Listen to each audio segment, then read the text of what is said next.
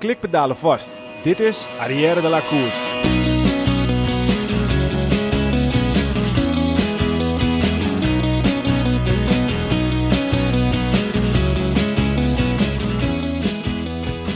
Het seizoen is voorbij, maar lullen over wielrennen blijft natuurlijk het allerleukste wat er is. Onze komende podcast gaan over te gekke wielerverhalen vertellen.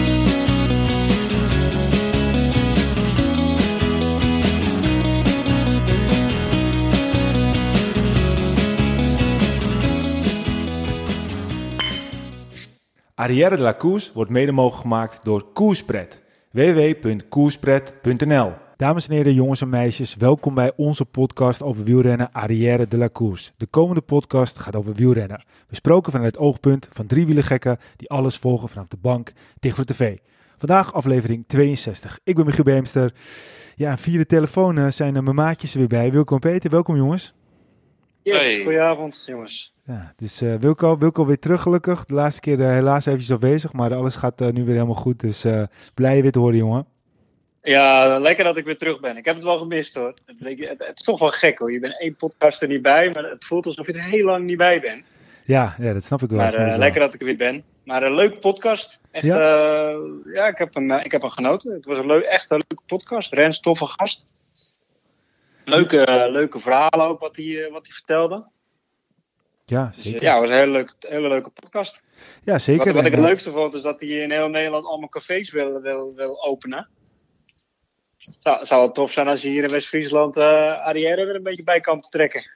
Ja, dat zou wel leuk zijn. En hij gaat ook nog de, stri de strippenkaart hadden we voorgesteld. Dus ja, precies. mooie kerel. Mooie kerel. Hey, en eh, en eh, hij werd, eh, werd de volgende dag ook nog door hem eventjes gebeld, Peter in ieder geval. En hij was heel enthousiast. Hij vond het leuk. Ik kreeg leuke reacties, Peter.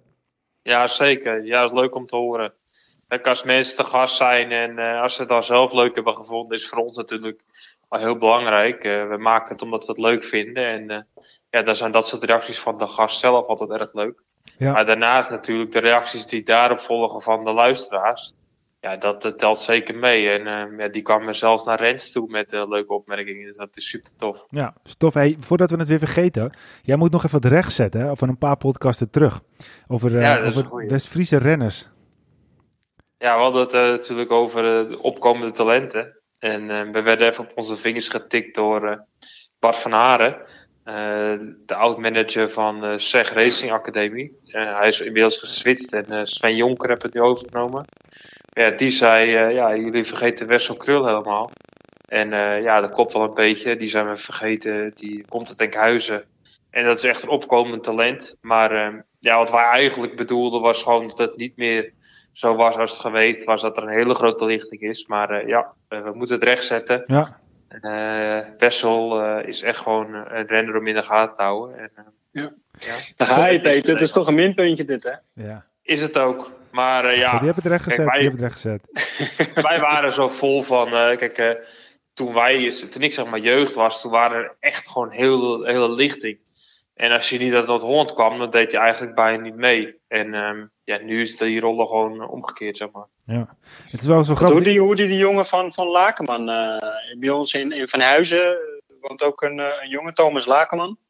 Ja, maar dat is dan weer een paar categorieën terug. Hè? Dus als, als je het eigenlijk hebt over opkomend talent, dan kan je het natuurlijk wel hebben over nieuwelingen en junioren. Maar eh, bij de belofte, dat, dat is wel wat echt als talenten worden meegeteld natuurlijk. Maar eh, ja, Thomas die doet zeker leuk. En eh, bij de junioren doet hij landelijk goed mee. En ja, ik hoop gewoon dat hij in de toekomst dat ook kan groeien. Grappig. Het is zelfs wel grappig, want Bart van Haren, ik heb er ooit nog met hem in de klas gezeten, want dat zal hij zelf niet meer weten, denk ik. Maar eh, op de opleiding sportmanagement ondernemen, en toen eh, ging hij ons nog uitleggen tijdens een of andere sportles hoe we het beste bij elkaar in het wiel moesten zitten. Dus eh, het is altijd wel grappig. Ik ben hem altijd een beetje blijven volgen en hij heeft een mooie carrière opgebouwd, zo langzamerhand, toch? Zeker, zeker. Hij kon zelf, zelf goed fietsen. Ja, een beetje... En hij was altijd al een soort van, ja, hoe moet je het uitleggen? Een, soort coach de fiets. Een beetje hetzelfde wat ik ook altijd had gedaan. Alleen dan eh, deed hij het eh, in het Nederlandse eh, continental circuit, zeg maar. En eh, ja, hij weet gewoon precies hoe je het goed moet overbrengen. En dat is gewoon heel belangrijk als je talentontwikkeling doet. En, Ja. Ja. ja. dat kan hij gewoon erg goed. Zeker. Even over fietsen gesproken, jongens. Kijk, we zijn nu een maand verder. En we hebben natuurlijk een mooie challenge in het vooruitzicht. Giel, hoe gaat het met, eh, met de kilometers? Nou, hartstikke goed, jongen. training. Hartstikke goed. Ik sta nu op eh, 4999 kilometer, dus het gaat snel. Lekker. Ja. Dus je hoeft En niet jij? zoveel meer. En jij? Ja, ik ben er al overheen. Oh ja, oh ja. ja. Hoeveel zit jij dan? Ja, ja, ja. Ja, 5001. Meter. Ja. Ja, nee, heel goed. nee, eh, af- afgelopen weekend eh, hebben we natuurlijk niet kunnen fietsen. Maar we hebben wel kunnen schaatsen. Ja, precies. Dat telt ook wel mee, toch? Maar, eh, maar we moeten wel aan de bak volgens mij. Ja, zeker. Want we hebben een beetje min of meer een, eh, een streefdata. Nou, niet per se dat dat de data moet worden. Maar we hebben wel een streefdata een beetje rond... eh, wat is het? Juni, juli toch? Daar willen we het gaan Ja, proberen. nee, 19, eh, 19 juni hebben we eh, als allereerste optie, zeg maar, gewoon eh, eventjes een potlood opgeschreven. Juni, hè? Juni. Ja, 19 juni. Ja. Zeg maar rondom eh, de langste dag van, van het jaar. Ja. En eh, ja, dat, ik denk dat dat voor ons ook het meest gunstig is. Nou ja, dan moet het gebeuren. We moeten toch op één dag heen. We moeten ook nog even goed nadenken of we van hem, eh, Noord-Holland naar hem, Frankrijk gaan fietsen. Of dat we van Frankrijk naar hem gaan fietsen. Kijk, we kunnen natuurlijk ook zeggen, we gaan van hem naar eh, eh, hem Noord-Holland fietsen naar hem in Frankrijk. En dat we daar dan nog een nacht overnachten. Dus ja, daar moeten we gewoon eens even goed over nadenken. Maar ja, dat we er zin in hebben, Ja. dat is wel duidelijk, toch? Het mooiste is, je gaat van hem naar hem. Dus het maakt eigenlijk niet uit voor wel- welke kant je opfietst. Maar ik denk wel dat het wijs is om met de wind in de rug te gaan. Ja, precies. Nee, maar dat is ook wel natuurlijk een van de belangrijke punten. Van eh, hoe, gaan we dat, eh, hoe gaan we dat doen? Nou, ik heb in ieder geval zin in. Voor mij wordt het groepje steeds groter. We gaan sowieso met een mannetje of tien, denk ik, langzamerhand. En eh, misschien zijn er Ja. wel meer mensen die aan willen haken. En eh, ja, ik bedoel, je kan je Ja, nog, ik- steeds, nog steeds aanmelden via 06 Wilco Kenten. Precies.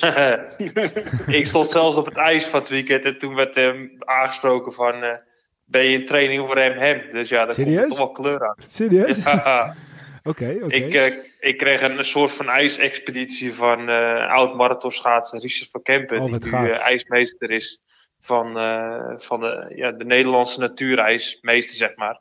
Voor de NK's. En gaaf. eh, we waren op het IJsselmeer aan het schaatsen. En ik, ik wou eigenlijk wel een beetje op avontuur.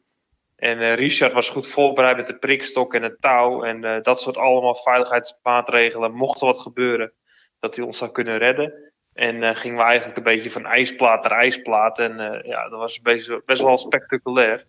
En toen kregen we mensen die volgden. En eh, die zeiden ook van, hey, ben je trainer voor hem hem? Ik zeg, ik ben trainer voor hem hem. Fantastisch. Maar die Richard dat is trouwens een legendarische gast, is dat, hè?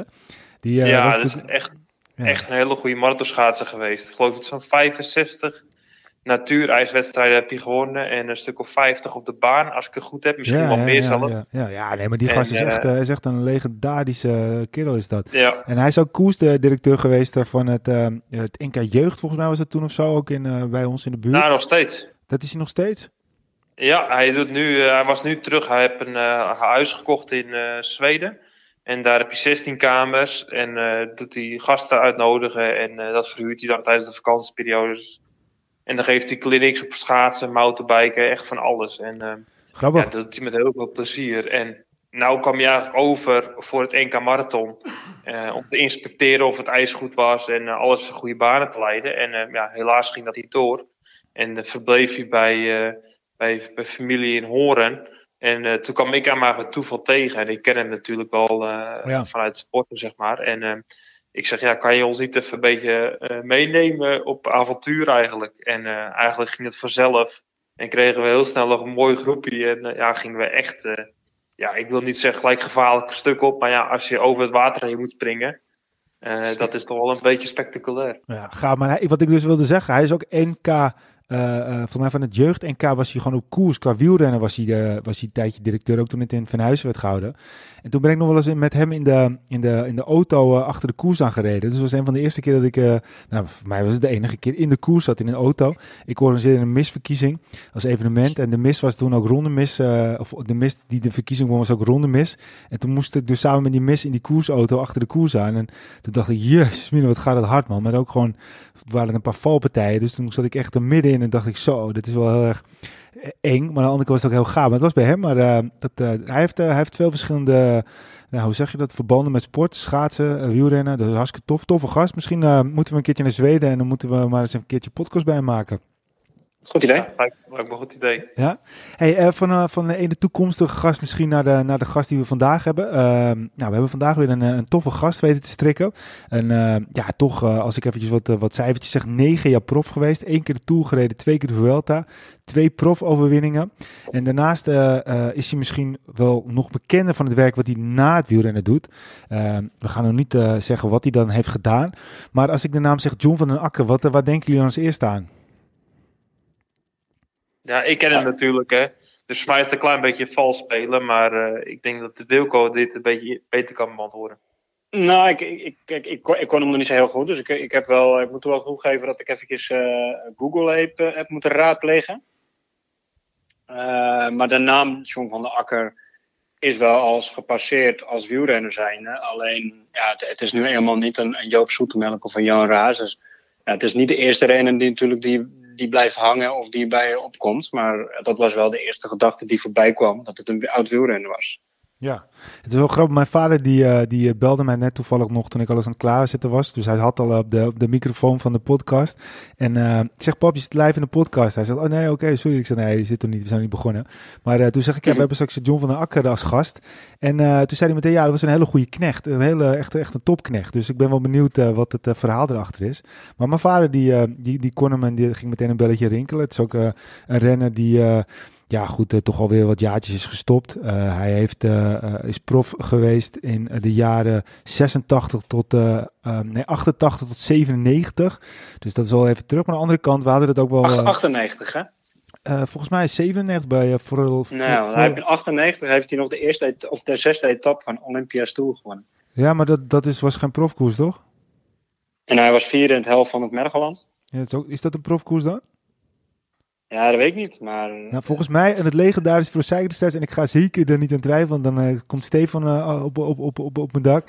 Staat er dat hij dus Precies. negen jaar prof is geweest, van 88 tot 97, maar hij zal best wel langer gereden hebben. Hij heeft volgens mij Ja. tot 99 zelfs gereden en dat zal wel amateur zijn geweest. Maar volgens mij eh, moeten we hem gewoon maar even gaan bellen en eh, moet, mag je dat allemaal Ja. zelf vertellen, toch? precies. Oké, we gaan hem bellen. Ehm, en volgens mij hebben we inmiddels eh, contact met eh, John van den Akker. Welkom in de podcast, John. Hey, dag. Wat leuk, wat leuk. Ja, goed jullie weer te horen. Dat is een tijdje geleden. Ja, dat is het zeker. Dat is zeker. En eh, we hebben je net eventjes eh, even voorgesteld. En eh, Wilco moest eerlijk toegeven dat hij eventjes diep moest graven. omdat het puur ging over de, over de naam als. Maar ik vertelde ook net dat mijn vader mij net belde voor de podcast. En toen zei ik, ja, we zitten straks... ik ga de podcast bijna opnemen. Hebben John van den Akker als, als gast. En toen zei hij als eerste... Ja, ja, ja, dat, die ken ik zeker. Dat was een hele goede knecht. Is dat terecht dat hij dat zegt? Eh, ja, ja, ik denk het wel. Bij, in ieder geval wel bij de beroepsrenners. Eh, bij de amateurs was het toch wel iemand die eh, voor zijn eigen kansen ging. En eh, ook best wel wat eh, overwinningen heeft geboekt. En eh, als je dan overstapt naar de beroepsrenners, dan, eh, ja, dan zie je wel dat er meer zijn die kunnen fietsen. Eh sterker nog, er zijn er eigenlijk helemaal geen slechte renners meer. Eh, en dan, en dan, en dan eh, merk je dat er gewoon eh, ook renners zijn die eh, gewoon meer getalenteerd zijn dan, dan jij. En ja, dan kom je wel op een gegeven moment in een fase waar je wel je eigen ambitie hebt, maar waar je toch in de grote wedstrijden wordt uitgespeeld als knecht. Ja, ja, precies. Want, want je bent negen jaar prof geweest, hè? Ja, negen jaar, tien, eh, tien jaar zelfs denk ik. Tien jaar. ja, want, tien jaar. Wilco en ik hadden net dus eventjes een kleine, kleine discussie. Want op Pro Cycling Stats staat dat jij van 88 tot 97 eh, prof bent geweest. Maar, maar, maar klopt dat of niet? Dat klopt, ja. Oké, Ja. want, in, want in 98 was je dan als ware, toen, toen won je in een etappe in de Olympische Tour. En dat was, toen was je geen prof meer? Of, eh? Ja, ik had nog wel een beroepsrennersessentie, maar ik, ik eh, deed toen een stap terug naar een continentaal team van MGI fietsen. En eh, ik deed dat gecombineerd met vertegenwoordiger zijn bij dat bedrijf. Een fietsfabrikant van de gewone stadfietsen, zeg maar. Oké, oké. Maar die waren toen sponsor van, van een continentaal team. Eigenlijk een afgeleide van eh wielervereniging De Jonge Renner. Oké. En eh, zodoende heb ik al eh, na mijn carrière, dus na mijn professionele carrière, toch nog twee jaar kunnen afbouwen op een iets lager niveau. En eh, ja, daar heb ik onder andere een etappe in, eh in Olympisch Tour gewonnen. Ja, ja, dus dat was, eh, dat was Ja. de- dus toch niet echt prof, maar ook weer een beetje. Hadden we beide gelijk, Wilco? Een beetje Ja. de middenweg. eh, Ja, ja, precies. gelukkig maar. Maar daar kunnen wij wel mee leven, toch? Ja, ja zeker. Maar dat is verdienstelijk afbouwen, zou ik zeggen. Ja, nou, ik, ik had uh, vorige ook een interview met, uh, met, een, met een groep mensen eigenlijk. En die, uh, die, die vroeg ook van over dat zwart gat, zeg maar. Hè. De sporters vallen vaak in een zwart gat, hè. ook wielrenners. Als ze dan stoppen met een carrière en uh, mist de aandacht en, en, en, de spanning van wedstrijden en dergelijke. En bij mij is daar eigenlijk wel meegevallen doordat ik ja, meteen in een soort van parttime baan kwam en ook nog fietsen erbij deed. Dus ook, ook, mijn lichaam kon langzaam afbouwen van, van grotere wedstrijden naar kleinere wedstrijden. Dus ik denk, uh, het is onbewust zo gebeurd, maar het is wel een goede, goede stap geweest denk ik, om twee jaar op die manier uh, ja. uh, in mijn carrière af te bouwen. Ja. ja, en op een rustige manier ook de andere kant van het leven te ontdekken, zeg maar bedrijfsmatig. Ja, ja dat is wel ja, ideaal. Precies. Ja, precies. En als je dan die negen jaar nou, ja, bekijkt, dan uh, ben je dus uh, begonnen een beetje prof bij, bij Roland, een Belgisch team als ik het, als ik het goed zeg. Dan, uh, dan ja. vier jaar PDM. En ja, op de een of andere manier, het is alweer zo lang geleden, maar als klein jongetje, ik kom zelf uit 84, dan, dan is dat echt dat PDM, dat is een soort van heilig woord voor mij als het om wielrennen gaat. Ik weet niet waarom dat is, maar, maar, maar dat, dat lijkt mij zo, moet zo'n fantastische ploeg zijn geweest. Kan je dat onderschrijven of niet? Ja, ja, helemaal. Ik, uh, ja, uh, ik kwam van een kleine ploeg af, inderdaad, Roland, uh, Belgisch team. En die stopte einde van het jaar. En ik kon gelukkig bij PDM terechtkomen. Maar PDM was toen de tijd het team van de wereld. Hè. Die, die, die bracht moderne dingen naar voren in, de wielersport. Hè. De eerste met, met een bus. Materiaal tot en met kleding, tot in puntjes verzorgd. Um, ja, ook andere manieren van opbouw van het seizoen. Uh, ook alweer met, met trainers te maken en met uh, coaches. En ja, het was, dat was gewoon fantastisch. En ik denk dat uh, ook wel de resultaten gezien hebben dat, we, dat we, wij dan een van de betere teams in de wereld waren. Ja, dus niet de beste misschien wel. Ja, want dan, dan ben je dus één jaar prof en dan tweede jaar prof rijden bij PDM. En dan kom je even ja. in het team en daar zit, er zit Sean Kelly in en een Gerry ja. Kneteman. Wat, hoe, hoe, hoe, hoe, kijk je dan naar dat soort mannen? Ja, daar kijk ik enorm tegen op in de beginfase. Uh, ik, kan me nog herinneren dat mijn eerste etappekoers, of mijn eerste koers bij, voor PDM was in Italië, in, in Sicilië. En uh, daar lag ik bij, meteen bij Gerrit Peter op de kamer. Ja, dat is, dat onvoorstelbaar. je dan uh, bij een voormalig wereldkampioen zo'n groot naam in de wielersport, dat je op de kamer ligt. En dat het dan ja, en dat hij jou dan ook gaat, mee gaat begeleiden, zeg maar, en, en, en, en tips en raad gaat geven. Het was zijn, zijn laatste jaar als wielrenner. Uh, maar enorm veel van opgestoken. Alleen al die eerste week. Uh, uh, dat was ja, een geweldige ervaring, moet ik zeggen. Ik, ik, vraag me dan gelijk af, hoe, ga, hoe gaat dat dan? Ja. je komt naar binnen en je wordt bij hem op de kamer gezet. En dan, nou, je spreekt hem uiteraard aan met u. En dat ja. gaat heel snel al in je. En, u ook. Ja, neem jij dit bed maar, dan neem ik dat bed, bedje wel. Of, of, dan ben ik dan zo benieuwd naar. Hoe gaat zoiets dan? Ja, ja, het gaat toch heel snel van, uh, ja, heel snel over naar, ja, we zijn een van de jongens, hè, en, uh, en dan ga je toch ook over, over, over de alledaagse dingen praten. We, hè, mooie auto's, de wedstrijd, het weer, uh, vrouwen, noem maar op. Hè, de, de, de, alsof, het, uh, alsof het bijna een leeftijdsgroep is. Ik zou niet, ik zou niet, eens, maar, ik zou niet eens durven poepen. ja, ja, ja dat, dat, was de eerste, de, eerste, de eerste avond en nacht wel heel uh, awkward inderdaad. Hè, je, ja, je zit wel, je, ja, iedereen zijn eigen gewoontes en hij ook. Hè. en je, je past jezelf ook aan, hè, want die gaat niet zeggen, Gerry, doe eens normaal, doe niet zo gek je, je pas jezelf aan en laat hem eerst uh, naar de badkamer gaan, je laat hem eerst naar de wc gaan. ja, dat, dat, dat soort dingen, dat, dat, dat speelt wel in het begin, maar uh, gaat ook snel weer vanaf hoor. Ik moet zeggen, hij stelde mij heel, heel snel uh, gerust. En nou ja, hij was eigenlijk een soort messias van de ploeg. Hij had, ja, hij had voor iedereen wel een goed woordje over of een goed advies. had hij altijd wel voor ons en ja, dan ben je zo snel aan gewend. Maar de eerste dagen is dat inderdaad uh, heel, heel bijzonder. Ja, en, en, en in, in, in dienst heb je ook, uh, zoals ik het goed, misschien, misschien ik hoop dat het klopt, maar dat zijn ook de enige twee overwinningen die je hebt gehad. Dat was dan de Vuelta van Murcia en de Etoile de Bessèges, dat klopt hè? Ja, ja. ja nou ja, ik heb, ik heb uh, later heen nog wel wedstrijden gewonnen, maar dan is een iets lager niveau. Want um, ik heb bijvoorbeeld al in mijn eerste jaar trouwens bij Roland ook een kermiskoers in België gewonnen. Ja. 100 meter stand. En later in ook bij uh, Golf en bij, uh, bij Koolstroop wedstrijden gewonnen. Maar dan praat je net over wedstrijden net onder het niveau van 1.1. ik won de helft van Merkland in 94 volgens mij. En ik won in 96 bij Frederale Golf ook in het Olympisch Tour. Ja. maar die, die tellen dan net niet mee, omdat het net een niveautje lager is. Hè? Dus vaak nog in, in combinatie met uh, amateurploegen waar je dan uh, tegenuit. Ja, precies. Maar het helft van het uh, Mergeland, dat, dat lag jou wel heel goed volgens mij. Als de uitslagen zo zie dan... Ja, klopt. Ja, ik ben uh, helft van Mergeland. tegenwoordig het Volte Limburg Classic, maar ik, ik heb alle posities in de top 5 gehad daar volgens mij. eerste, tweede, derde, vierde en vijfde. Dus het was een wedstrijd die me goed lag. Limburgs wedstrijden sowieso. Ik heb de ronde van Limburg gewonnen. Uh, toen ik bij Verelderade Golf in dienst reed, en denk ik 96 was of 97. Ja, 96, 97. Ja, ja. en uh, ja, etappe in Olympisch Tour was ook altijd uh, in Limburg, twee keer denk ik. Dus dat is wel het terrein waar me goed lag. Maar, maar als ik dan bijvoorbeeld zie Parijs-Roubaix, het beste resultaat 13e, dat is ook niet verkeerd. Nee, nee, ik, ik, ik probeerde in het begin van mijn carrière echt wel gericht op die Vlaamse klassiekers. En daar ging het best aardig. Rond van Vlaanderen kwam ik echt in tekort. Maar uh, Parijs-Roubaix, dat lag me wel best goed. Maar ik, ik had wel de eerste jaren altijd, uh, dus, uh, eigenlijk gedurende heel mijn carrière, heel veel moeite om in die wedstrijden de goede posities te vinden, zeg maar, voor de belangrijkste uh, momenten. Ik, ik, liet me vaak snel wegdrukken in, het gewring.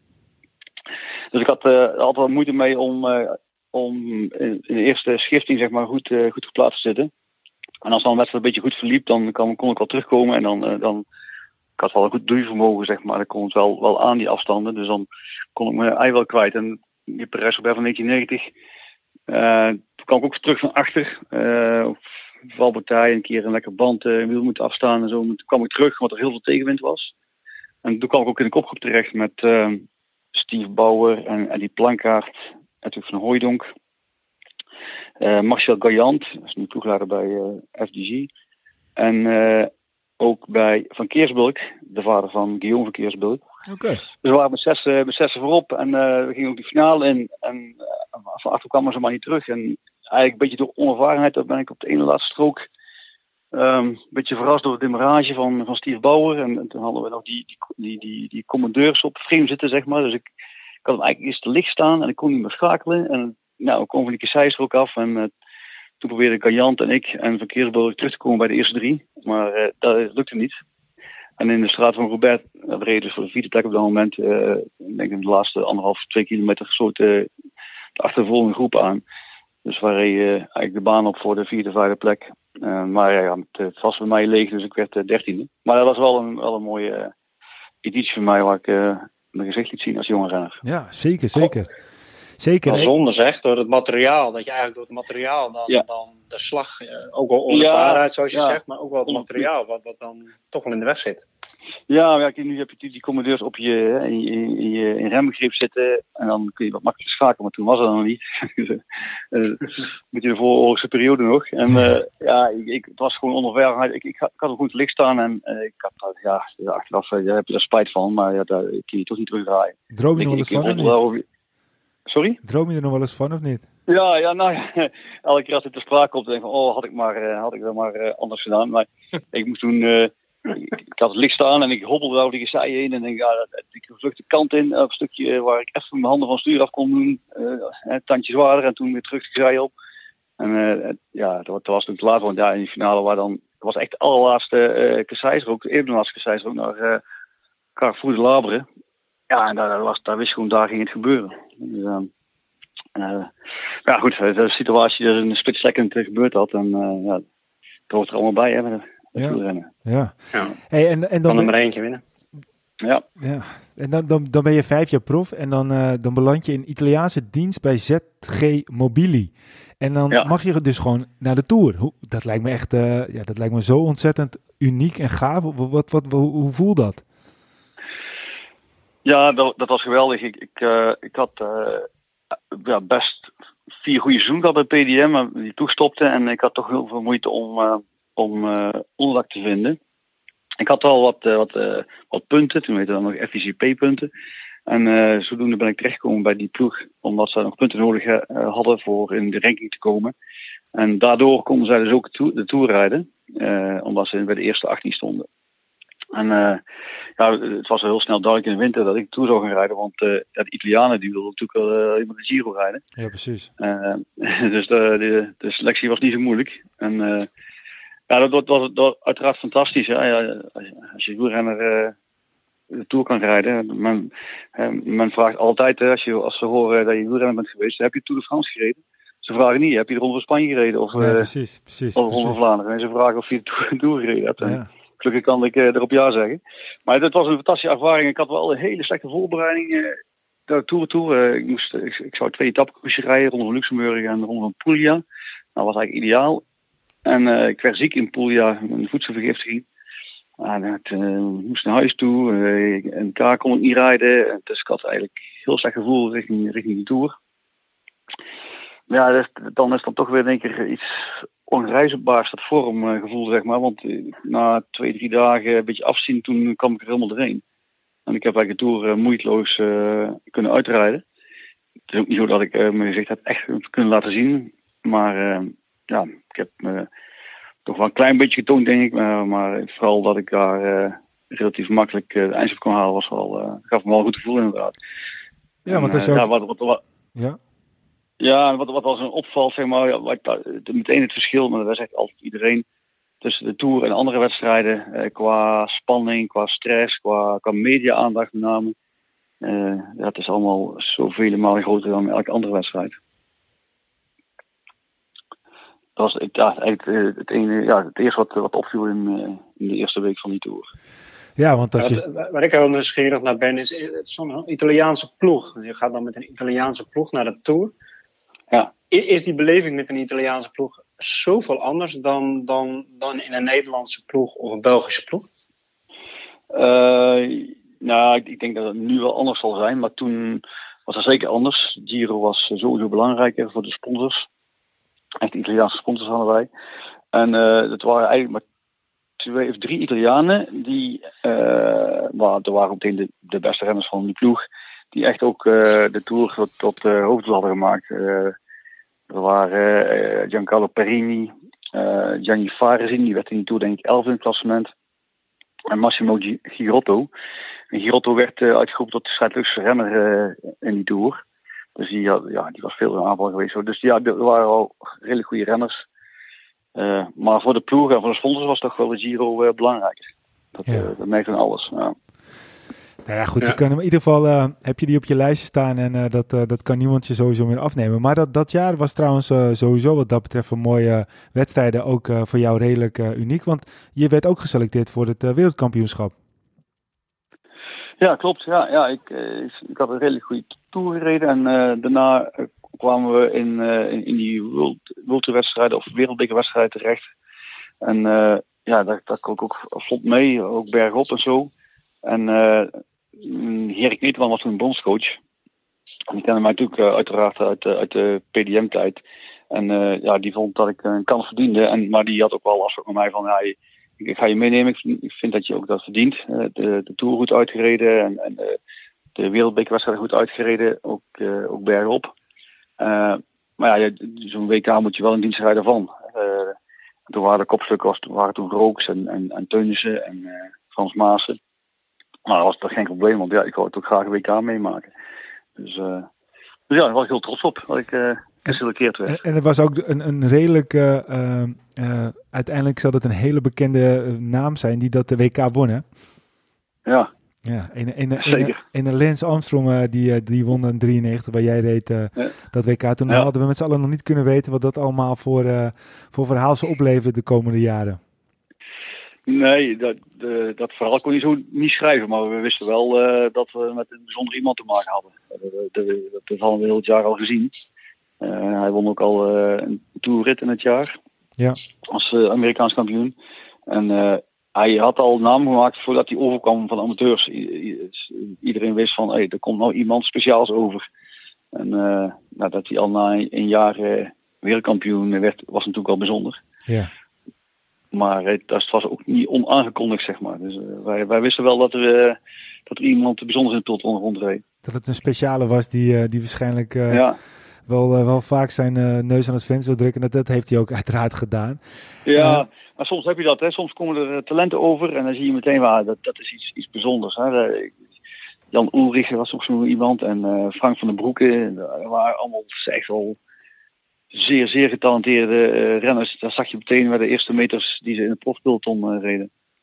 Vind je dat, vind je dat, grote kenner te zijn. Vind je dat, dat Remco Evenepoel daarmee te vergelijken is? Ik bedoel, uh, het is nu, hij moet het eerst ja. bewijzen. Ja? Ja, dat moet eerst wel bewijzen, maar ik, ik denk het wel. ja, die, want dat weet ik eigenlijk wel zeker, hè, wat, wat die jongen op zo'n jonge leeftijd uh, gedaan al heeft, uh, dat is natuurlijk wel heel bijzonder. En ik ben dat iedereen daar ook kan beamen. Als je met hem in de koers gezeten hebt. die, uh, ja, daar heb ik toch stukjes van gezien die, die eigenlijk nog nooit vertoond zijn uh, in de wielersport. Ja. Kijk, wat je in de junioren laat zien en dat zet je door naar de senioren. En, je maakt het nog waar ook, ja. Dus net wat je zegt, ja, dan kan je wel zeggen dat het wel een, uh, een topper in SP is. Het is al een topper, ik, ik, maar dat het, het, een grootheid kan worden. Ja, zeker. je hoort dan over die wattages. En uh, ik ken zijn vader trouwens goed, want in mijn uh, tijd bij Koolschop was ik zijn ploegmaat. Oké. Okay. Vader van Remco, wat even een poel, ook een best goede renner. De Grand Prix Wallenino gewonnen. Maar ik, ik vond het bij Remco, ja, hij had al veel indrukwekkende dingen laten zien. Maar de eerste keer dat ik echt dacht van ja, godstikke, de verhalen zijn echt waar. Was in de Ronde van België afgelopen jaar, of de Balwaze Belgisch Tour. waar die zeg maar Kampenaars eh, echt uit het wiel reed, zeg maar, op een vlakke, een vlakke rit. Die Kampenaars had zo te sterven eh, in het wiel dat hij geen bocht meer kon nemen en op een gegeven moment ook echt letterlijk uit de bocht viel. Ja, ja. Gewoon, gewoon door het hoge tempo nog even, even een poel. En ja, iedereen die gefietst heeft weet wat dat betekent als je iemand echt op vlakken al zo uit de wiel kan rijden. Dat is echt, echt ongekend. Ja, en dan nog een tijdrijder ook. Dus dat is niet, uh, het is geen uh, pannenkoek om het zo maar te zeggen. Nee, nee. Hey, als, als je nou terugkijkt op je carrière, uh, we gaan zo uh, verder met het verhaal na je carrière, want dat is ook, ook zeker net zo boeiend. Maar wat is je mooiste herinnering als coureur? Um, ja, nou ja, buiten dat, dat jaar van, van de Tour en, uh, van de Tour en, en de WK rijden, zijn eigenlijk twee dingen die me wel bijgebleven zijn als, als mooiste herinnering. De eerste was in 1986 toen ik als 19-jarige uh, de Onder de won. Ik was, ik was amateur bij Jo van Aalen. En de Onder de Kemper is, uh, is een, uh, was toen uit een A-klassieker. Maar start en finish in Veldhoven. Het, het, dorp of gemeente waar ik woon. En vandaan kom, zeg maar. Dus ik kon van eigen publiek een van de grootste wedstrijden van Nederland als amateur. was ook meteen mijn doorbraak als, als wielrenner. ook, het, ook het moment waar ik in besefte van, oh, ik, ik ben laat beginnen te fietsen als 16-jarige. Drie jaar later wil ik, wil ik onder de camper. Ja, misschien kan ik wel iets bereiken in, in de wielersport. Tja. Dat heeft uh, een beetje voor mij de omslag gegeven, zeg maar, van, nou, zie je wel, ik, ik, uh, ik, kan echt wel iets meer dan dat ik eigenlijk zelf denk. Dus het begon... Onder de camper voor eigen publiek was echt een echt schitterende ervaring, moet ik zeggen. dus het begon eigenlijk waar het ook echt voor jou ooit echt begon? Ja, precies. Fantastisch. Ja, in eigen gemeente. Ja, in eigen... Prachtig. Uh, dus, dus de finish, uh, finish echt letterlijk 500 meter van mijn huis af, zeg maar. En, ja, dat is wel, wel uniek om dan zijn wedstrijd te mogen winnen. En uh, de, ja, dat was voor mij de stap ook van, uh, ja, ik, ja, ik ga toch kijken wat ik eruit kan halen in mijn carrière. En, uh, en het, en buiten de mooie dingen die ik meegemaakt heb bij PDM en, alles wat, wat brengt. Maar ik heb ook nog een mooie herinnering aan, aan 1990, de etappe die ik won in, in Ronde van Murcia. Dat de aanleiding daartoe is eigenlijk niet zo mooi, want in, in, in februari overleed ploegmaat van mij, Johannes Draaier. Um, hartstilstand in bed. Zo. En Johannes, uh, Johannes die, uh, dat, ik, ik lag met hem nog op de kamer in die ronde van Sicilië. En ik, ik, uh, wij, wij, we hadden zes lastige dagen gehad, bergop gereden zo. En ik, we deden dan een soort zelf meten en een hartslag meten. En hij had, hij had gewoon na die zesde dag nog een hartslag van 32. En ik had normaal gesproken in rust, had ik lang rust gehad, 38 hartslag. Maar ja, na zijn tappenkoers had ik 52 eh, of zo en hij had 32. Dus ik zei dan tegen hem van, hoe kun je nou, hoe kun je nou zo'n, na zes lastige dagen nog zo'n lage hartslag hebben? En ja, dat heb ik altijd. En als ik uitgerust ben, dan heb ik 26 eh, of 24. Zo. En ik dacht van, oh, die is een groot sporthart. Maar helemaal niet beseffen dat dat ook uh, natuurlijk gevaarlijk kan zijn. En, maar ja, drie dagen later ja, hij kreeg geen hartstilstand in bed. en dat hij had met, die, met, die, met dat met lage hartslag te maken in combinatie met een, met een, met een hartritmestoornis. Dat wisten ze toen ook nog niet. Maar goed, er was natuurlijk ja, zwarte bladzijde in, in, in, in, in, in de geschiedenis van die wielenploeg en PDM. En uh, toen was het weekend nadien naar de begrafenis was onder het nieuwsblad, of het volk heette toen. En uh, toen bestuurde, want die, die deden we niet mee vanwege die, uh, vanwege die begrafenis van Johannes. Dus de eerstvolgende wedstrijd was onder Moesia en, en Parijs-Nice.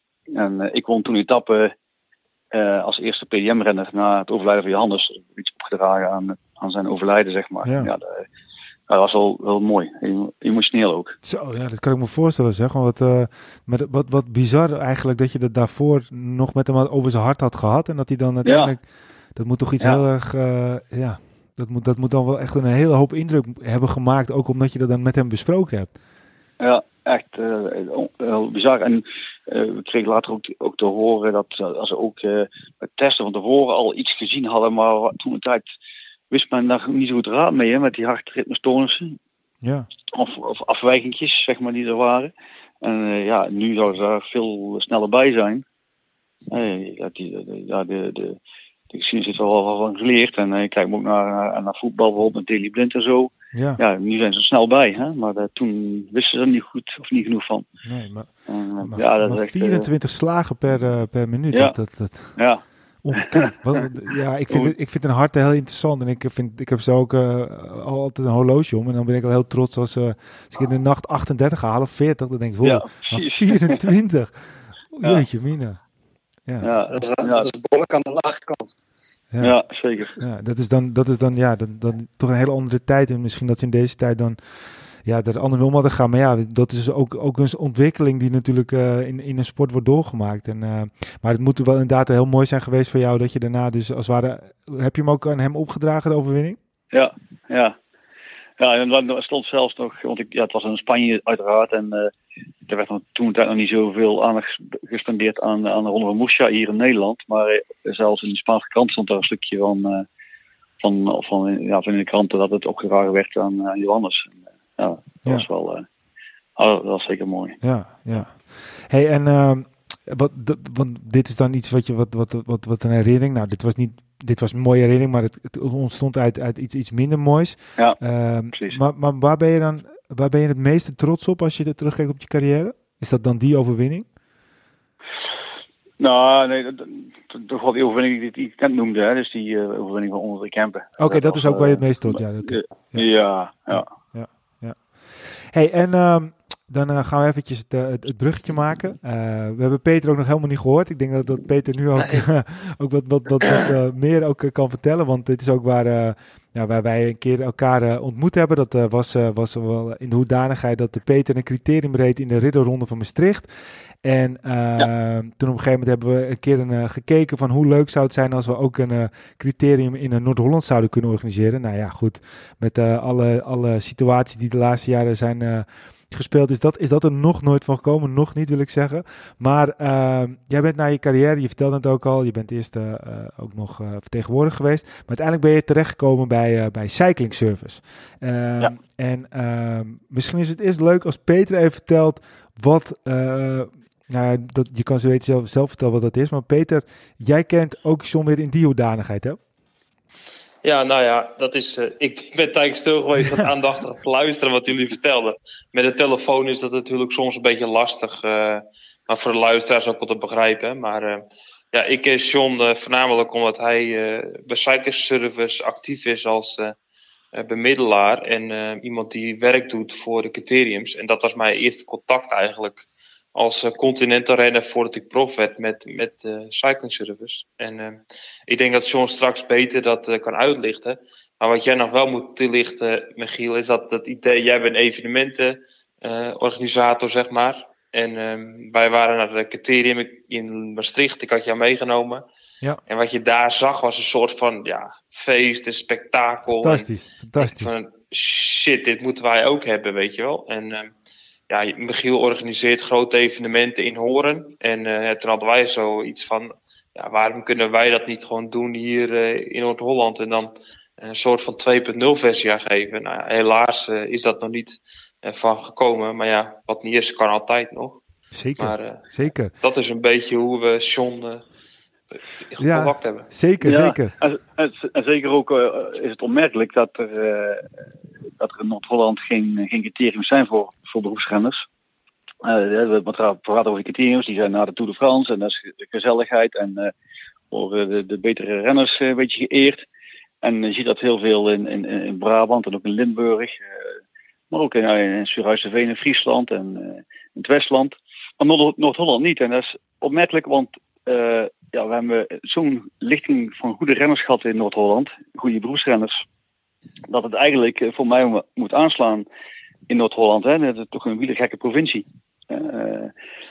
Al, al, die jaren geweest. Dus wij, wij hoopten vurig, en hopen nog steeds vurig, dat er toch nog een keer iets loskomt in Noord-Holland. Er moeten best wel meer wielerwedstrijden zijn voor, voor beroepsrenners in het... Nou, volgens mij heeft Van Huizen vroeger ook wel een, ja. aansprekende criterium gehad. Ja, klopt. Het is wel degelijk geweest, alleen ja, waar het fout is gegaan, geen idee natuurlijk. Nee. Ik denk dat die Noord-Hollanders een beetje te zuinig zijn allemaal. Ja, dat, dat het een geldkwestie is geweest. Dat, dat ze geen premies hadden betalen. Ja, dat zou kunnen, ja. Ja, ja maar goed. geld, et cetera. De, de uitdaging ligt er nog steeds. En uh, wat, uh, wat, uh, wat, ja, hoe zeg je, wat, wat in een goed wat, wat goed is, dat, dat komt gerust ook nog wel eens een keertje. En het lijkt heel mooi. Nou, nu is het natuurlijk nu een fase waar het allemaal wat minder is. Maar daarom is het ook eigenlijk ook wel interessant om... Uh, om uh, daarom vonden we het ook interessant om uh, eventjes met jou in de podcast te praten erover. cycling service, misschien kan je eerst eventjes... Want de mensen hebben misschien nu echt helemaal geen idee meer. Maar wat, wat is cycling service precies? Ja, ja wij zijn een, een Nederlands bedrijf die vooral bemiddeld in, in wielerwedstrijden tussen organisatoren en, en renners, maar ook tussen organisatoren en uh, wielerploegen. En we doen dat uh, uh, voor wedstrijden vanaf onder op het nieuwsblad tot aan de Puttekapelle in, in België, afsluitingsprijs, waar wij dus voor die organisatie ploegen vastleggen. ploegen, zo sterk mogelijk ploegen met zo sterk mogelijk renners. Er zitten dus World wedstrijden bij, maar er zitten ook kermiskoersen bij. Uh, maar Slijngersweer staat vooral bekend voor de, van de criteriums. Hè? En uh, wij, doen voor uh, de Nederlandse en Belgische criteriums renners vastleggen. naar lang de wensen zijn en naar lang het budget is, uiteraard. ja, daar is eigenlijk Slijngersweer bekend om. En dat is eigenlijk ontstaan vanuit vanuit de KNU, de Nederlandse Wielrenbond. Die, die, die, die, dat wilde reguleren in de jaren 70. En het is een stichting opgericht, SBB. En uh, mijn, mijn voorganger uh, heet uh, Gerry Vergerwe. En die had ook weer een voorganger, Peter Bondhuis. En zodoende is een beetje ontstaan, die bemiddelaar in, in Nederland. En in, in 2002, toen nam Gerry Vergerwe ook de Belgische wedstrijden over. Dus kreeg hij niet alleen de Nederlandse criteriums maar ook de Belgische criteriums. Plus internationale wegwedstrijden. En dat was voor één persoon een beetje te veel. Um, en uh, ja, toen moest hij op pad naar, naar, iemand die hem kon assisteren. En daar werd ik. Uh, ja, ik Gerry had zijn kantoor in Sint-Oederode, ook in de buurt van Eindhoven. Ik, ik kom ook uit deze regio. Dus altijd goed samenwerkt met Gerry als, als renner zijnde. Dus ik, ja, de link was snel gelegd en bij hem op gesprek gekomen. En ja, kon ik in 2002 aan de slag. En ja, dat was natuurlijk een totaal andere uitdaging. Hè, want het is, het is een uh, andere kant van, van het wielerwereldje. Je bent al jaren een renner geweest en dan kom je nu aan de kant van de organisatoren terecht. En uh, ja, ook als, als onderhandelaar ook met, met renners. En, maar dat heeft, heeft, hij heeft al wat teweeggebracht in, in de jaren heen. Want we zijn steeds groter en groter geworden. En uh, we hebben ook nog een, uh, naast de internationale wegwedstrijden en, en de criteriums ook nog een derde tak bijgekregen. En dat is eigenlijk administratie van, van prijzengeld. We doen voor wielerploegen uh, het prijzengeld proberen te collecteren. omdat ja, die, die renners die koersen overal door de hele wereld. En ja, het is niet simpel om dan ook nog heel je administratie bij te houden van prijzengeld. En wanneer het binnenkomt en waar je moet zijn om het te krijgen. En, die, die service hebben we aangeboden aan, aan wielerploegen. En die, ja, die hebben altijd uh, goed ingevuld, denk ik, tot, tot heden toe. Dus uh, we hebben eigenlijk drie, drie takken binnen Cycle Service. Er zijn dus criteriums waar we eigenlijk bekend van zijn. Interna internationaal wegwedstrijden en, en, en prijzengeld. Ja, want, want als je dan op de website kijkt, dan staat er in de, in, in de hart van de koers. Dat is ook een beetje jullie, jullie ondertitel volgens mij. En dan, dan staat er ook echt duidelijk voor, voor organisaties, voor teams, voor renners, voor pers en voor bonden. Dus eigenlijk zijn jullie een soort van, soort van spin in het web in het, in het gehele uh, wielerwedstrijdwereldje, als ik het goed zeg. Ja, precies. Ja, ja dat, zeg je, dat zeg je goed. Ja, ja we proberen uh, service aan te bieden aan alle, alle partijen een beetje in de wielersport. Waarbij we eigenlijk wel dichter bij de kant van de organisatie staan. Dat, dat, dat, zijn eigenlijk, dat is de hoofdmoot van onze klanten, om zo maar te zeggen. We proberen dat, wat werk uit de handen te nemen van organisatoren. Uh, maar uh, ja, en daar proberen we wat dingen aan, uh, aan vast te, te plakken. Want bijvoorbeeld een pers of media op. Ja, we, hebben, we hebben een online platform waar wij onze contracten in plaatsen. Peter weet dat nog wel, denk ik, ja. al een paar jaar terug. Maar daar hebben we ook bijvoorbeeld een persmodule in zitten. Dus uh, bijvoorbeeld de Ronde van Vlaanderen of onder het Nieuwsblad, die, die gebruiken onze uh, persmodule om hun accreditaties uh, verzoeken te ontvangen en, en, en uit te delen. Dus alles, alle, al die data komt bij ons in, in ons systeem te staan. Dus als wij straks een keer als, als pers willen naar de Tour de France, of de Ronde van Vlaanderen in dit geval, dan moeten we bij jou ja. wezen. Ja, precies. Ja. Hoor je dat, Wilco? Als je die perskaart hebt, dan uh, kan pad. heel goed, heel goed. Die gaan we onthouden, nou, Wilco. Is, is nog grappig ja, te zeggen. Dus, dus dat is ook een beetje de link die ik, waar ik kennis mee maakte. Uh, je wordt op een gegeven moment continental renner. Uh, je krijgt je prijzengeld in de profkoersen. En dan maak je een account eigenlijk aan, heel simpel, voor, uh, voor jonge renner op, op Cycling Service. En alle organisatoren die betalen gewoon al het prijzengeld hup in één grote pot. En Cycling Service die zegt dan eigenlijk, nou, hier heb je het prijzengeld aan het team. Uh, van Aqua Blue bijvoorbeeld was ik de rennersvertegenwoordiger. Uh, bepaalde ik in samenspraak met de manager wie uh, wat kreeg in, de, de, de, het deel van het prijzengeld. Dus er ging er één deel bij ons naar de staf. En die beheerde dan cycling service in één pot. En die ging zeg maar dan aan het eind van het jaar verdeeld worden. En ik zei dan oké, iedereen krijgt een gelijke aandeel in het prijzengeld. En cycling service zorgde dan dat het betaald werd. Uh, zo hebben we ook nog een jaar gehad dat wij een goed doel hadden, Pink Ribbon. En dan ging er een heel klein percentage van dat prijzengeld ging naar uh, Pink Ribbon toe. En dat verzamelde Cycling Service ook. Aan het eind van het jaar hadden we gezegd, oké, okay, uh, daar willen we dat toe overgemaakt hebben. En dan nam Cycling Service ook dat werk voor ons uit handen. Dus het is een heel simpel platform eigenlijk. En hetzelfde ja. ging voor de criteriums. nou, daar stuurde John mij, of hij belde een berichtje belde of stuurde een berichtje van uh, ik heb een criterium voor je, we zoeken nog een renner. Uh, heb je hier interesse in? Nou, dan krijg je ook weer in jouw account uh, eigenlijk een soort van contractje. En dan krijg je wat startgeld en dan eventueel een vergoeding. En dan kon je naar die criterium dan kon je dan digitaal tekenen. En dan was, kon je deelnemen aan bepaalde evenementen. Dus eigenlijk super eenvoudig. En dat, ja. dat kost gewoon de kopzorgen voor eigenlijk atleten die ze niet willen hebben. Of organisatoren, als die van 180 renners uh, moeten weten wie wat prijzen gaat moeten hebben. Alle bankrekeningen met z'n alles daarbij.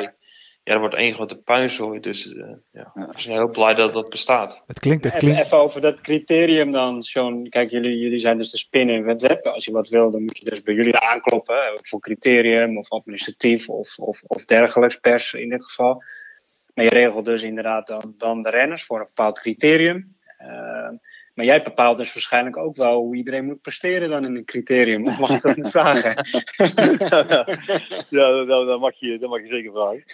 Ik wil niet zeggen dat ik antwoord geef. Nou, ja, nou, dat, dat, dat, dat, dat bepalen wij niet, sowieso niet. Uh, de, uh, je, je, moet al zo zien dat, uh, dat zo'n wedstrijd ook een soort van demonstratiewedstrijd is. Hè. Je, ja. Die komt... komt uh, komt naar criterium toe om, uh, om die grote vedette uit de Tour de France te zien. En dan moeten we ook zorgen uh, met z'n allen dat die vedette ook, in beeld is. dat, dus, dus, dus als dat, ja, dat zou paniek zijn als dat niet gebeurt. Maar daarnaast is het dan renners en organisatoren om te, om te bepalen wat ze van willen maken, zeg maar. Dat is ons om het even. Maar ik heb, ik heb nu ook organisatoren bij die, die, die, die zeggen, well, ons maakt niet uit, laat ze maar, laat ze maar rijden. Uh, dat is, is, geen probleem. En dat dan een keer een kleinere renner wint, dan wint een kleinere renner. als iedereen het best maar doet. Maar het is wel heel, heel lastig, want we willen wel. het, is, het is heel, heel moeilijk om, als je daar een, een klimmer uit Colombia aan de start hebt, zeg maar, en die moet dan uh, volle bak in het criterium rijden, dat is wel heel lastig. Het is toch wel. Uh, we hebben het afgelopen jaar gezien dat toen was Carapaz ja, precies, als, als Giro-winnaar naar Etteleur gehaald. En ik probeerde hem allemaal uit te leggen wat hij moest doen, maar dat was toch al moeilijk met de communicatie. Maar hij, hij deed het best goed. Uh, maar hij, hij, nam onverantwoorde risico's in, in bochten. En op een gegeven moment uh, ja, vliegt ook een bocht uit de hekken in en uh, ja, over de kop. En, en hij had niet zo heel veel last, zei hij. Maar achteraf bleek uh, dat hij toch zoveel last kreeg dat hij de Vuelta niet meer kon rijden. Nou, dat werd uh, niet dank afgenomen door de Movistar. Nee, nee, nou, maar daar, daar heb ik wel een vraag over. Want dat is interessant dat je dat zegt. Want kijk, jij hebt dan in dat geval, jij vraagt een renner. Maar, maar is het niet zo dat je dan ook die ploeg een toestemming moet vragen? Je gaat echt direct ja. naar de renner toe. Nou, in de, in de meeste gevallen gaan we eerst een ploeg vragen. Uh, om toestemming. Het, het is eigenlijk niet onze taak. Het is de taak van de renner zelf om toestemming te vragen aan de ploeg. Hè? Want je moet zo zien, die ploeg is, is de werkgever en, en, en die leent zo'n renner een dag uit om een criterium te rijden. En ja, zeker als er dan iets gebeurt, uh, ja, dan, dan moet er wel alles goed afgebakend zijn. Uh, dus wij, wij vragen eigenlijk altijd, en zeker een ploeg hier in Nederland België, toestemming. Of, of we zeggen in ieder geval, dit zijn de renners die we willen vragen. Is dat oké? Ja, dat is oké. En dan vragen wij ze.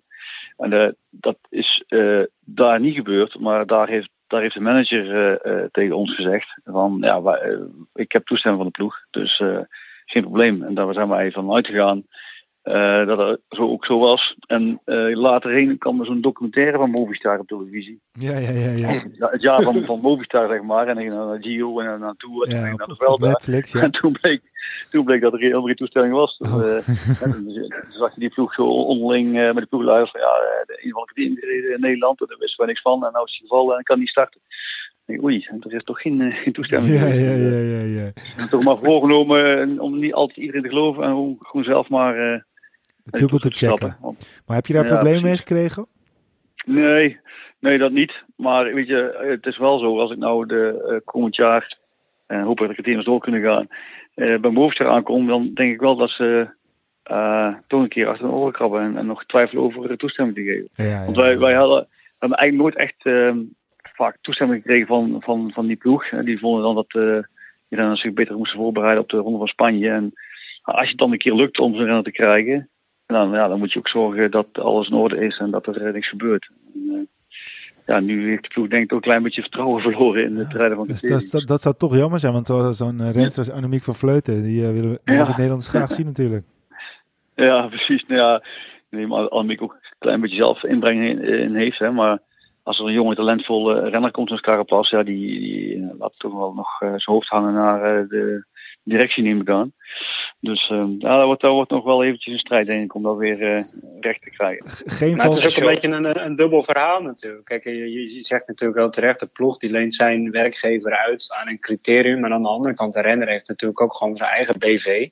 En hij moet ook zijn eigen brood verdienen. En ja, als de manager dan op dat moment zegt dat dat kan, ja, dat, dat, dat is wel lastig. Ja, de manager van de renner, wat zei je? Ja. De manager van de renner, niet de manager van de ploeg. Ja, ja, ja de manager van de renner. Ja, ja. Die behartigt de belangen van de BV van de renner. Dus ja. dat, is wel lastig. Je zit er wel echt precies tussenin dan. Ja, precies. Maar ik, ik, vind wel de verantwoordelijkheid van die, van die renner of die manager van die renner om, ja. om toestemming te hebben. De, ja. dat, daar hoeven wij in principe niet voor te zorgen, maar wij willen gewoon zelf ja. uh, de relatie met de ploeg goed houden. Dus uh, vandaar dat wij het voortouw maar nemen en uh, al zelf vragen, al voordat de renner uitgenodigd wordt, te vragen om om toestemming. Dus uh, we kunnen Alejandro verder bij het criterium van horen kunnen we nu al uh, wegstrepen. Ja, wel is in ieder geval wel werk aan de winkel om, uh, om, om dat voor elkaar te krijgen. ja, maar... Sowieso moeten we een beetje de haast achter zetten, want volgens mij rijdt hij niet zo lang meer. Nou, we doen, ook, we, doen ook, we doen ook een veteranenkoers, dus dat kan hij misschien daarmee doen. Ja, dat is waar, ja. Ret retro-koers. Ja, retro-koers. Retro met Alejandro. Maar ik, ik hoorde ik kon net Peter wel alles mooi vertellen over ons platform. Uh, hij het goed, goed uitgelegd. En uh, uiteraard was het in het begin uh, van, van mijn carrière als bemiddelaar wel anders. Toen hadden we nog geen platform. En toen moesten we echt met, met stapels documenten, contracten naar de Tour toe. Om die renners allemaal te laten tekenen. Het is nu een stukje makkelijker geworden. In ieder geval minder administratief werk. Maar ik, de eerste jaren ging ik echt met een hele tas vol of koffer vol met contractjes heel Dat, uh, en dan alles doorfaxen weer terug naar Nederland toe en zo. Dus was, iets, iets minder simpel dan dat nu is. Maar ze zagen je wel graag komen, denk ik, de renners, of niet? Ja, heel graag. Ja, zeker. Ja, ja, ja. ja. ja want, ja, want... John, het, het, is dus uh, een beetje, normaal gaat de organisatie van de wedstrijd zegt, uh, ik wil die of die renner, uh, probeer die te contacteren. En dat is de normale volgorde. Um, wat is nou de meest gewilde renner eigenlijk, zeg van het laatste aantal jaar? En welke renner is bijna niet te krijgen? Die zegt altijd eigenlijk nee. Um, ja, even kijken. Dat was een moeilijke renner op te krijgen. Uh, We hebben Van Verder net al gezegd. Voor mij Van Verder niet heel vaak. Nee, Van Verder, van Verder is inderdaad uh, ook, ook uh, een beetje communicatief wel lastig, zeg maar. hij zelf en zijn manager spreken alleen maar Spaans. En um, had ook niet altijd evenveel zin om te rijden. En had ook, had ook um, ja, denk ik ook geld genoeg om, om, dat, om nee te kunnen zeggen, zeg maar. Hè. Als je iemand die, die miljoenen verdient, die, ja, die hoeft, niet per se een criterium te hebben om zijn BV verder te vullen. Um, maar ja, het is toch, het is toch een keer gelukt. een drijvende kraai heeft hij een paar jaar geleden gereden, drijvende kraai in Roosendaal. Maar de, de, de, de renners van, van, van, vanuit Spanje, met name Movistar, inderdaad wel de, de, de moeilijkste renners om te krijgen. Um, en uh, ja, het hangt ook een beetje van jaar tot jaar af. Ene jaar uh, wil Mark Cavendish elk jaar elk criterium rijden en het andere jaar willen, willen ze niet komen. Dan hebben ze geen zin meer in of uh, vinden ze het te zwaar of te moeilijk. Dus toch voor elk jaar, elk jaar wel verschillend. Als jonge renner willen ze allemaal wel komen. En daarna wordt het moeilijker en moeilijker. En we hebben ook uh, eens in de vier jaar ook altijd een probleem met de Olympische Spelen. Dat is ook altijd uh, lastig als er iets. Dan, dan komen de Olympische Spelen vlak na de Tour. En dan is het ook lastig om renners daarvoor uh, vrij te krijgen. Dus dat speelt altijd. Want die ook een keer, keer Lance Armstrong volgens mij gehad, toch? In Serhuis-de-Veen? Ja, Lance Armstrong die, die is verschillende keren geweest. Die, ja, die, uh, die was niet zo moeilijk, alleen de onderhandeling was je moeilijk. Hè, maar qua, qua geld. Money. Dat was altijd uh, pittig, maar uh, nou, die was altijd wel open voor, voor zoiets. Um, ook ook, ook, ook Mario Cipollini en dat soort verdetten was altijd wel, was wel open voor. En de laatste jaren ook wel opmerkelijk dat we sinds 2006 elk jaar een, de toerwinnaar hebben gehad bij onze criteriums het, het zij één keer of het zij uh, tien keer. Maar uh, hebben altijd wel voor gezorgd dat de hele trui uh, naar Nederland of België kwam. Dat is altijd wel opmerkelijk hè, dat, dat een toerwinnaar ja. direct na zijn toerwinst toch naar Nederland wil komen. En het allermooiste voorbeeld was Chris Froome die de eerste keer de Tour won. Toen ja, moesten wij ook op pad naar, naar hem. Maar hij zocht zelf al contact. Uh, ook ook een beetje via zijn vrouw. En uh, nou ja, op, op, afstand al een klein beetje rondgemaakt. Maar hij vond gewoon, hij had al gehoord, nou ja, de toerwinnaar, die moet criteriums rijden. En hij had eigenlijk nog nooit, nog nooit meegemaakt, wel ook gehoord, maar hij wist niet precies wat het allemaal was. En uh, ik weet wel dat, dat rit op de West was. En daar had hij eigenlijk zijn, zijn, zijn, zijn toerzeg al een beetje veiliggesteld. Maar toen appte hij of stuurde een berichtje van, ah, kun, je, kun je toch langskomen te tellen, want ik, ik heb veel vragen erover en ik wil weten hoe het precies naartoe gaat en wat, wat dat precies is en wat er van mij verlangd wordt. Dus ja, wij er naartoe en, en uit te leggen hoe dit allemaal ging, hè, wat hij kon verwachten. Dus, uh, en, en sindsdien is hij ook gewoon elk jaar geweest. Fantastisch nou, en hij, Ja, heel mooi. En hij, uh, en ja, oké, okay, dus het hangt altijd een prijskaartje aan natuurlijk. Maar hij heeft nooit het uiterste gevraagd. En, maar gewoon, hij vindt gewoon een toerwinnaar, daar hoort erbij, die wordt dan zijn gezicht laten zien uh, de criteriums. En dan deed hij ook nog uh, bepalen, zeg maar, uh, welke landen het is of was. Hè? Want hij beseft ook van Nederland-België zijn twee landen waar ik heel weinig koers. Hè? Want hij, ja, hij rijdt eigenlijk bijna nooit in, in, onze landen. De, ja, Amsterdam Gold is misschien een keer gereden, weet ik niet. Maar de, hij kwam ons nooit in Nederland. En, en Luc Bas naar reed hij ook bijna nooit. Dus ook België was dan belangrijk. Ja. Ja, en wat ik me nog wel herinner van Froome in die criteriums, ik heb een paar keer met hem meegereden dan, dat hij toch best wel heel toegankelijk is ook. Hè? Ook naar het publiek ja. toe en zo. Uh, steekt zijn handje ja. op, een handtekening hier en daar. Terwijl je soms bij andere, ja, zeg verdetters toch wel zoiets van, uh, zie mij, weet je wel. En, ja, klopt. Uh, met Sagan ook. Sagan ook. Ja. ja, Peter Sagan ook zeker. Ja. Maar eigenlijk vond uh, Chris Groen wel een mooi voorbeeld. Want die, trouwens, Peter Sagan ook. Want die neemt gewoon ook een eigen soigneur mee, eigen mechanicien mee. Uh, Oké, wij zorgen wel voor hotel voor ze, hè, maar ze hebben hun eigen begeleiding bij. En, en, dan, en dan blijven ze een week hier. Maar dan hebben ze, ook gemasseerd. Ze kunnen rusten. een mechanicien bij, ze hoeven nergens om te kijken. Dus ja, jezelf soigneren, zeg maar. Zodat je ook weer uh, de weken nadien ook weer goed op de voeten kan, kan in de wedstrijden die er komen. Hè. Vaak is dat een ronde Spanje of zo. Dat is ja, belangrijk. Dat, dat, ja. ja, zoals Sebastian. We hebben, we hebben heel vaak gehad dat, dat de winnaars van San Sebastian eerst toch drie keer gereden hebben in Nederland en België. Die tour rijden, zondag finishen, maandag in zijn woensdag criterium rijden en dan zaterdag San Sebastian winnen. Dat is heel, heel opmerkelijk. Hè? Dan, ploegen hadden al meestal iets van, uh, ja, je moet uh, uitrusten en uh, soigneren en uh, daar teamrijden, dat kan echt niet. En werd continu, of elk jaar in, werd het tegendeel bewezen. Ja. We hebben ook echt renners gehad die, die, die smeekten om criteriums te rijden vanwege San Sebastian. We hebben Spanjaard gehad, Carlos Barredo, die kwam echt smeken om criteriums, want hij, hij moest goed zijn in San Sebastian. En zijn ogen kon daar het best door uh, tweede criteriums te rijden en die spanning op die benen te houden na de Tour. En dan naar San Sebastian toe. Het is ook niet zo dat het gelijk iets heel makkelijks is. Hè? Want veel mensen denken, kijk, uh, oh, de toerwinnaar die wint ook het criterium even.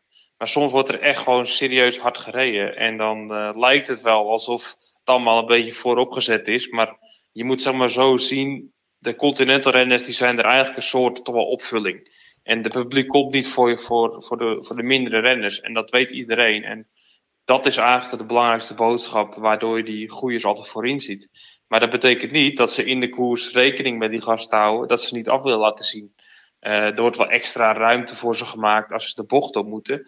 Maar zodra het recht stuk gaat, ja, dan wil ik Quintana ook wel een keertje pijn doen. Of ja. weet ik van wat. Ja, het is gewoon een beetje het spelletje, zeg maar. Maar toch is het respect van de jonge renners toch ook wel naar die, ja, de lichting waar mensen voor komen kijken. En dat is juist zo mooi in die criteriums. Ja, en dan zie je ook wel dat ook, ook zo'n renner als Quintana, noem je dan, ja, die kunnen echt wel trappen. Hè? Die, die, ja. die, die, zijn, ze zijn, zijn niet gewend om criteriums te rijden, maar ze kunnen wel, ze kunnen wel fietsen hoor. En ook zo'n renner als Quintana, die is best wel handig op zijn fiets. Die komt echt wel bocht door. Ja. En wat, wat ik me eigenlijk al meteen af, want we hebben het natuurlijk heel het over Nederland en België, maar waar, waarom zijn nou juist de criteria in Nederland zo groot? Want, want inderdaad, daags naar Tour, meteen al de grote namen vaak. Um, maar waarom, waarom is dat in Nederland en bijvoorbeeld niet uh, in, in, in een ander land dan zo groot? Ja, nou ja, België is ook nog wel redelijk groot hoor. Daar, daar, uh, daar is na de Tour het eerste criterium van Aalst. Nou, daar staan ook gewoon 40.000 mensen uh, langs de kant. Het is een beetje traditie vanuit de wielersport hier in Nederland en ook België. En, en ja, mensen komen, komen graag kijken om die toerverdetten dan te zien. Het is, het is ja, zo door de jaren heen zo gegroeid. Hè. Ja, Nederland is natuurlijk ook het bakermat van de criteriums. de, wij groeien allemaal op met, met criteriums. Peter is ook zo begonnen en ik zelf ook. Je, gaat, je begint met criteriums te rijden. En, en, ja ja, eh, ik, ik ben zelf ook beginnen te fietsen door het uh, kijken van het profcriterium. Dat vond ik zo mooi en, en ja, daar werd uh, de interesse voor de wielersport aangewakkerd. Ja, dus dat heeft echt wel een belangrijke rol ook binnen de Nederlandse wielersport. Ja, ja Kijk, we... dat is dat, wat John zegt, traditie, hè, en dat hebben we in, in, Nederland heel erg. In Duitsland bijvoorbeeld heb je uh, die zesdaagse op de wielenbaan. Dat is een soort festival, carnavalachtig opzet. En dat is eigenlijk een criterium ook. En heel veel mensen die naar zo'n profcriterium gaan, nou, reken maar dat er een heel groot percentage is die niet eens een wielrenner ziet bewijzen van. Maar de hele avond mooi staat te denken als uh, een soort van feest in de stad. Ja. Dus ja, dat, is, dat hoort er ook bij. Maar ze gaan wel heen voor, de, voor die wielerwedstrijd. En dan denken ze, oh shit, is het alweer afgelopen? Ik heb nog geen wielrenner gezien.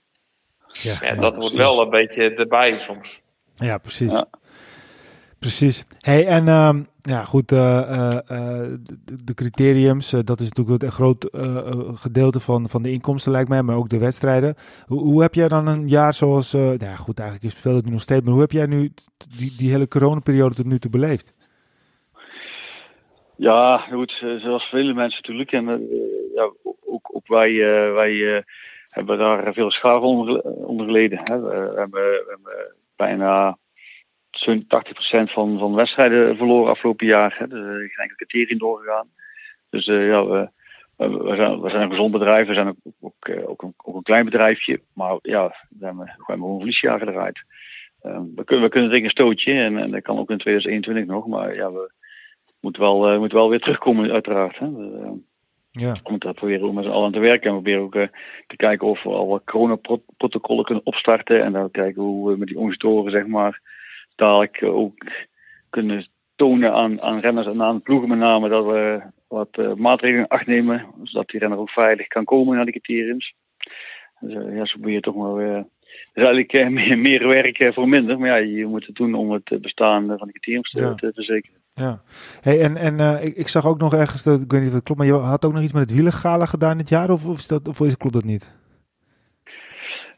Ik bedoel jij? Ja? Ja, nou, ja, nou ik, ik ben ehm, door mijn functie zeg maar, bij Cycle Service en ik ben ook jarenlang secretaris van de VVW al, de Vereniging van Wielerberoepsrenners. En ben ik gevraagd om ook een bestuursfunctie te bekleden bij de Club 48. Uh, eh, de club van, van ex-beroepsrenners die, ja, die iets betekend hebben voor de wielersport. Het zij echt op de fiets of het zij buiten de fiets. En zodoende ben ik ook betrokken in het wielergala. Tenminste, ik organiseer het zelf niet, maar ik help wel eens mee zeg maar, om, om, om renners ook echt daadwerkelijk daar aan tafel te krijgen. En ja, de, ja, de wielergala is best een, leuk iets. Dat is toch iets, een dag van de wielersport. En probeer je ook je verdetten te, te eren, zeg maar. Uh, alleen ja, het is, het is, het is moeilijk. het wordt steeds moeilijker. Ziet ook bij, bij een sportman van het jaarverkiezing waar ook de sporters steeds meer wegblijven. Of niet van kunnen interesseren. Dus het is moeilijk om daar een goede, goede weg in te vinden. Wat voor de toekomst bestendig is. Ja, ja, ja, ja. Nou ja, kijk, uh, dat is zeker waar. En uh, we hebben toevallig uh, niet zo heel lang geleden een podcast gehad met Stefan van der Zwan van Pro Cycling Stats. En die had toen, ja. als waren de, de top 500 was het geloof ik hè. Ja, dat vond ik trouwens wel echt een gigantisch leuk idee. Dus misschien is het ook wel tof om, om zoiets in Nederland op die manier te doen met, met wielrenners. Ja. Ja, ja, alle ideeën zijn welkom, graag zelfs. De, ik denk dat we, dat, we, dat, dat men andere uh, andere ideeën moet, moet hebben om, om, uh, om de jeugd uh, zeg maar, te interesseren voor ja. zoiets. Ja. het moet interessant blijven voor, voor iedereen. Ja. Nou ja, goed, dat lijkt me mooie stof voor een keer een andere podcast. En dat, dat, daar staan wij zeker wel voor open, Wilco. En Peter. Zeker, ja. Leuk. Hey, um, om eventjes op een positieve noot af te sluiten. Uh, we hebben net de mooiste herinnering gehad als coureur, maar uh, de mooiste herinneringen tijdens uh, het werk voor Cycling Service?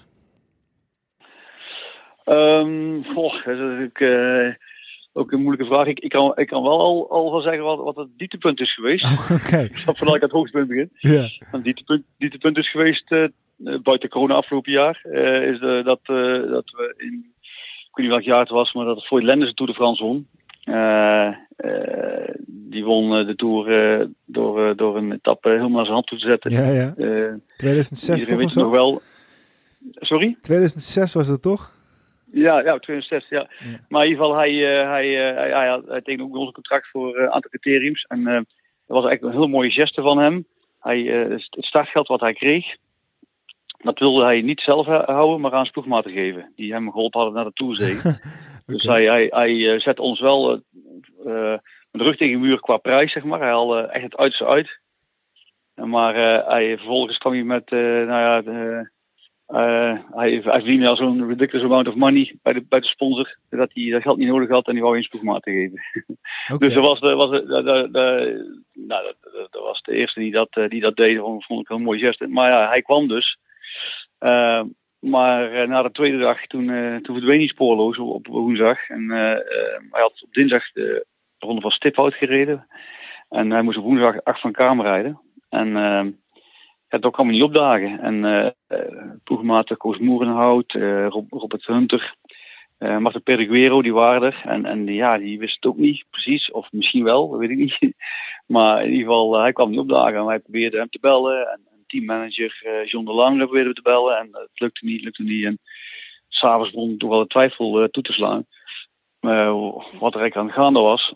En maar ik weet nog wel dat mijn collega Marten Versteen waar ik samen cycleservice mee run, die, die moest daar aan publiek met de microfoon in de hand uitleggen waarom, uh, waarom de toerwinnaar niet in de was. Ja, en dan moet je je voorstellen daar in de Finiestraat met al die barretjes en kroegen en mensen die al flink aan het bier gezeten hadden. Ja, was, was, ik lag er nu een beetje om, maar dat was toen echt wel een dieptepunt. En een dag later, toen was ook echt absoluut dieptepunt voor de wielersport ook in het algemeen. Hè, toen hij bleek positief te zijn als toerwinnaar.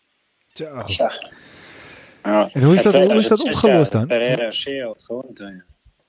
Maar hoe, hoe is dat toen, toen opgelost? Hè? Want ik vind het sowieso heel veel respect dat, dat jullie zelf de microfoon hebben gepakt en het het publiek hebben verteld. Maar ik, ik kom daar dan ook een. ja, het lijkt me ook dat, dat alles wordt, het wordt wel zo gedaan dat hij achteraf wordt betaald, neem ik aan, toch? Of, Ja, ja, zeker. zeker. Ja, goed, hij, eh ja, hij is ons uiteraard zelf niet, eh, niet betaald. Eh, maar dat, dat geld van die eerste wedstrijd van de Ronde Sliphout, die is gewoon uitbetaald geworden. En die, die hebben we als ploegmaat uitgedeeld.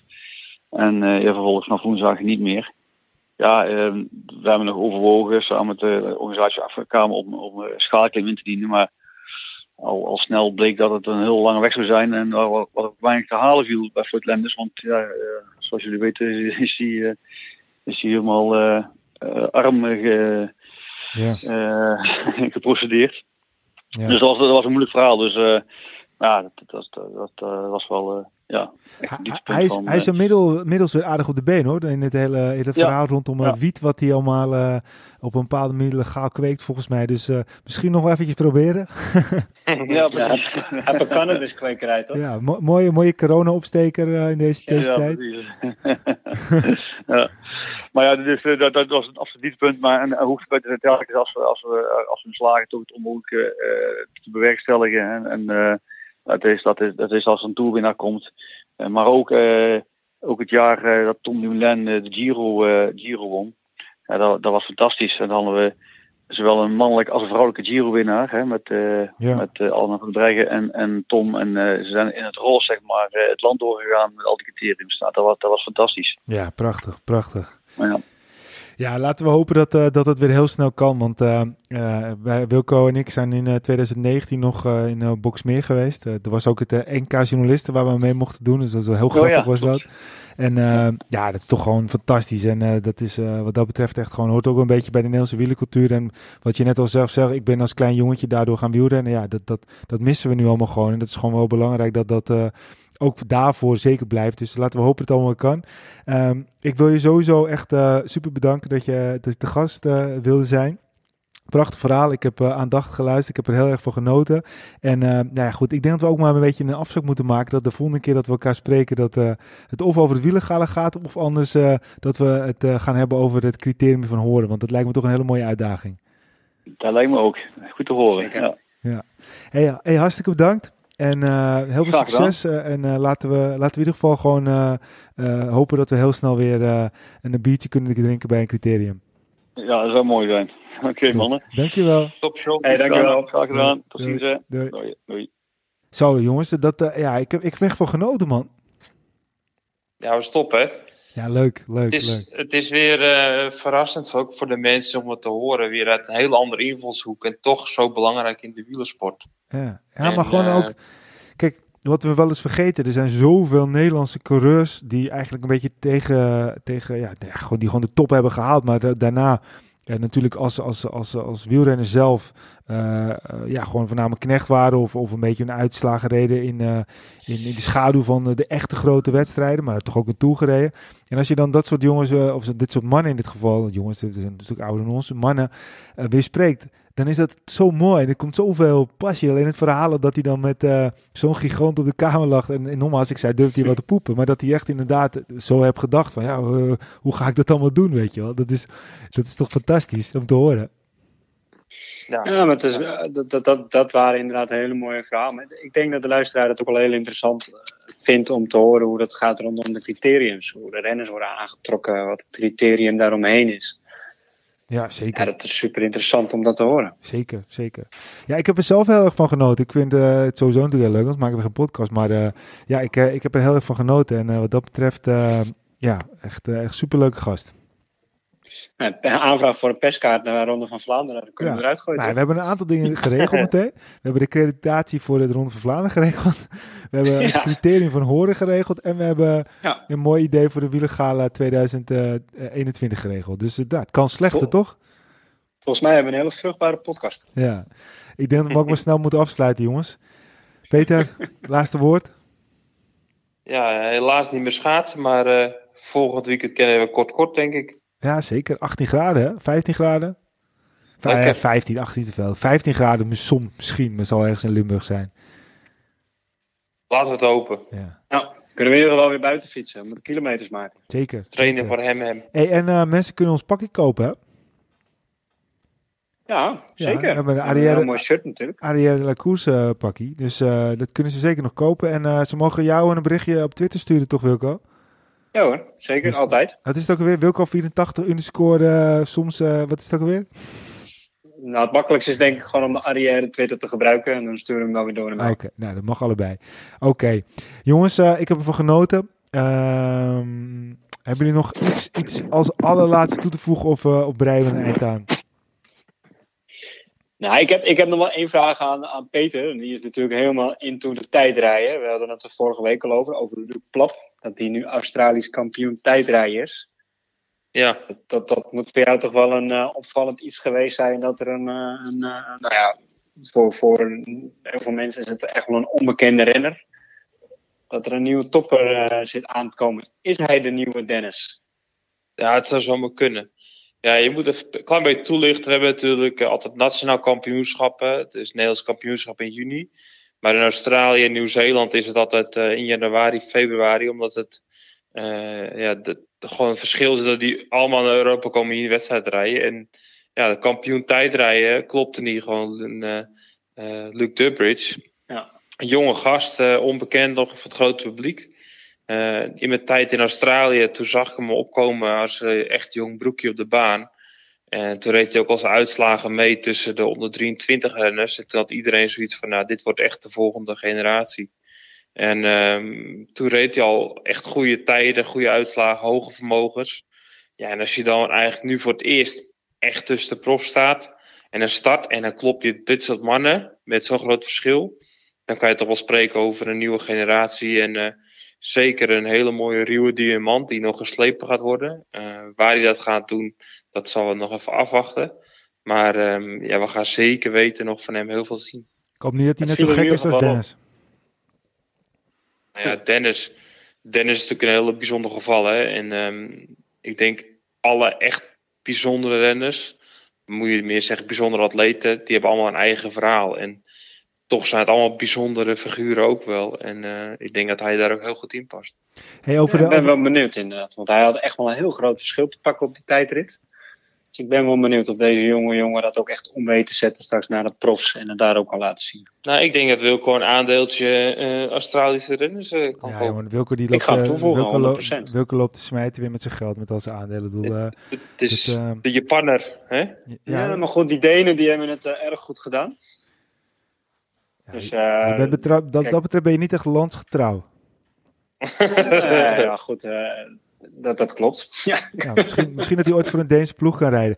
Hey, hey, iets anders jongens. Hebben jullie, eh, hebben jullie het berichtje gezien of tenminste op Cycling News dat Adam Hansen is eh, zijn zijn eigen tijdritfiets aan het bouwen of een, een versie daarvan. Hebben jullie het gezien toevallig? Nee, ik heb het niet gezien. Moet, moet je maar eens gaan kijken. Het is echt een heel futuristisch iets en eh, het is, past heel goed bij Adam Hansen. Ik moet altijd meteen aan het verhaal van Peter denken dat hij eh, tijdens de koers met zijn met zijn gereedschaptasje laptops van andere renners aan het maken was. Maar eh daar gaan we maar eens naar kijken. Ik denk dat dat een mooie afsluiter is. Top. Zeker weten. Oké jongens. Hey, eh, dames en heren, bedankt voor het luisteren. Volg ons op Facebook, facebook.com slash Twitter Arrière C, Instagram podcast Arrière de Koers en ga ook eens kijken op onze website www.arrièredelacours.nl Bedankt voor het luisteren en tot de volgende Arrière de la Koers!